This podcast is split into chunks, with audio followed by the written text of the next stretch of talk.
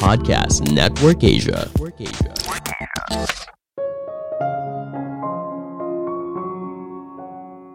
Jangan berusaha untuk mencari saham dengan kinerja yang baik. Investasi saja di indeks sahamnya. Halo semuanya, nama saya Michael. Selamat datang di podcast saya, Sikutu Buku. Kali ini saya akan bahas buku Little Book of Common Sense Investing karya John C. Bogle. Sebelum kita mulai, buat kalian yang mau support podcast ini agar terus berkarya, caranya gampang banget. Kalian cukup klik follow. Dukungan kalian membantu banget supaya kita bisa rutin posting dan bersama-sama belajar di podcast ini. Buku ini membahas perspektif lain dalam melakukan investasi. Apakah kamu paham soal investasi? Apakah kamu bisa memilih saham yang bisa menghasilkan keuntungan? Kebanyakan orang mungkin bilang tidak. Hal ini disebabkan pengetahuan dan edukasi soal investasi itu memang tidak mudah. Namun penulis punya pendapat kalau investasi itu sebenarnya hanya perlu logika sederhana. Kita harus bisa memilih instrumen investasi apa yang mampu menghasilkan keuntungan dalam jangka panjang. Saya merangkumnya menjadi tiga hal penting dari buku ini. Pertama, apa itu pasar saham? Apa yang kamu tahu soal pasar saham? Mungkin kita sering dengar di berita kalau pasar saham sedang berada di titik tertinggi atau kode saham tertentu sedang turun terus-menerus. Apa artinya semua itu? Kebanyakan orang tidak mengerti bagaimana pasar saham bekerja. Mungkin saja karena kita tidak punya literasi keuangan yang baik. Sederhananya gini, coba kamu ibaratkan pasar saham itu seperti toko swalayan. Jika kamu mau membeli kebutuhan sehari-hari, kamu bisa pergi ke sana kan? Sama halnya ketika kamu ingin membeli saham, maka kamu harus pergi ke pasar saham. Sama seperti toko swalayan, pasar saham juga menawarkan berbagai saham yang berbeda. Untuk masuk ke pasar saham, kamu juga tidak perlu jadi investor profesional atau orang dengan segudang pengetahuan keuangan. Kenyataannya, dengan sedikit literasi keuangan, kamu bisa membuka akun saham. Namun perlu dipahami, walaupun kita bisa dengan mudah masuk, tapi menurut penulis, pasar saham itu juga tidak stabil. Itulah yang membuat para investor tidak langsung menginvestasikan uangnya ke pasar saham, tapi melalui sesuatu yang disebut sebagai actively managed funds. Jadi uang kita digabungkan dengan berbagai investor lainnya, lalu dikelola oleh manajer investasi profesional. Namun bagi penulis, cara seperti itu masih beresiko. Kenapa? Karena biaya untuk mengelola dana tersebut sangat besar.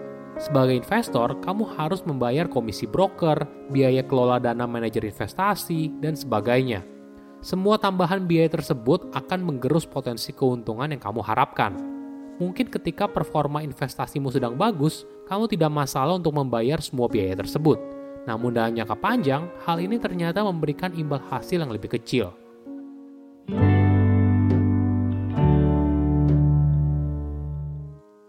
Kedua, investasi di dana indeks.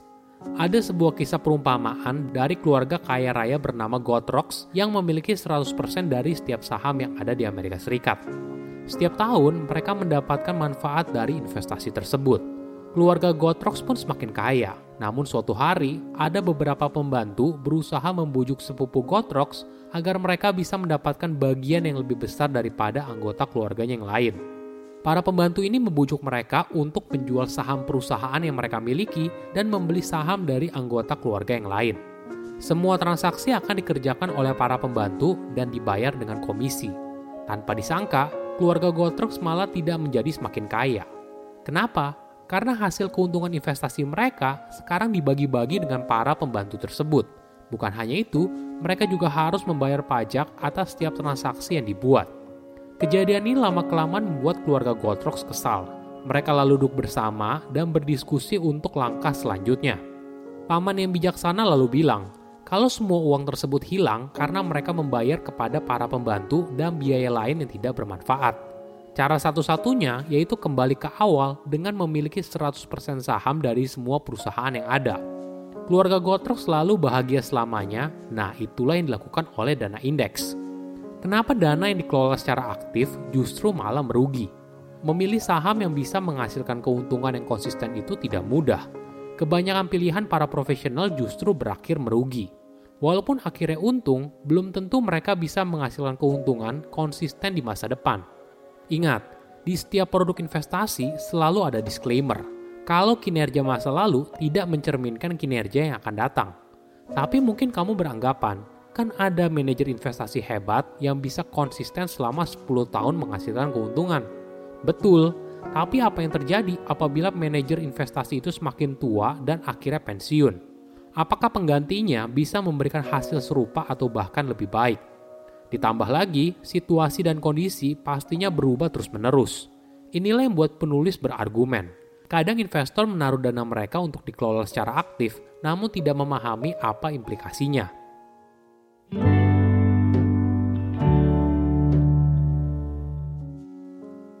Ketiga, alternatif produk investasi. Ada perspektif yang menarik. Dalam jangka panjang, imbal hasil dari pasar saham berasal dari imbal hasil investasi yang berasal dari perkembangan bisnis. Kita harus ingat, saat kita berinvestasi, kita mendapatkan keuntungan dari memiliki bisnis tersebut, bukan memperdagangkan harga sahamnya. Namun perusahaan datang dan pergi.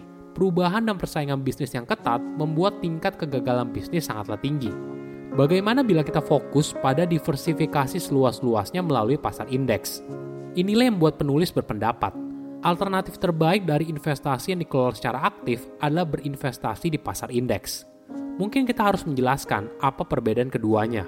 Jadi, index funds atau reksadana indeks adalah gabungan saham atau obligasi yang dibuat mengikuti komposisi dan kinerja dari indeks pasar saham reksadana indeks diklaim menawarkan biaya pengelolaan yang relatif lebih murah dibandingkan reksadana pada umumnya.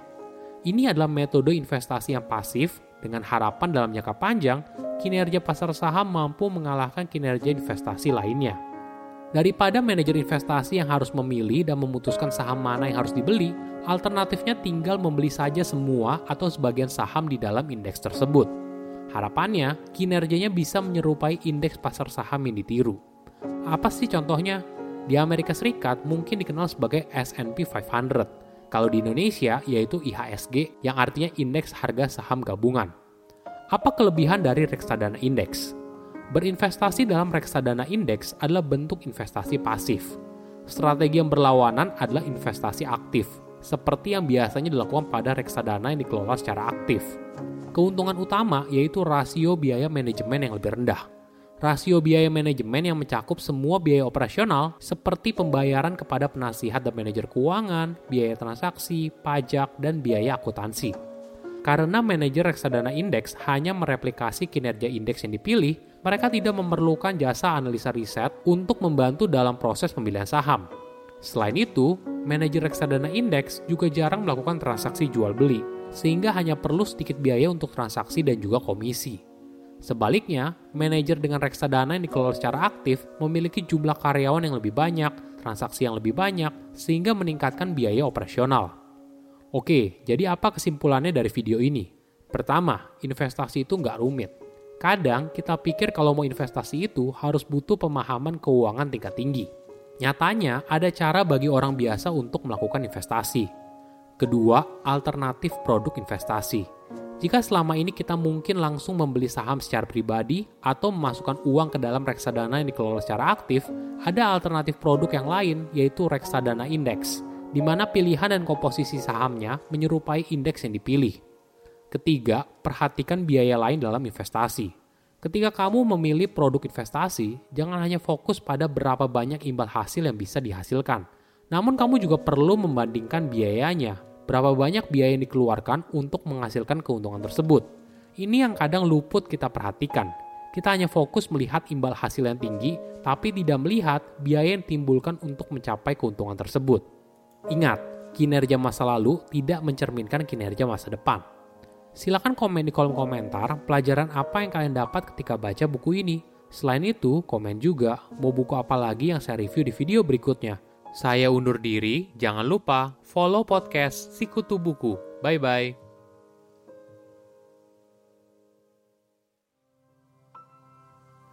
Pandangan dan opini yang disampaikan oleh kreator podcast, host, dan tamu tidak mencerminkan kebijakan resmi dan bagian dari podcast Network Asia.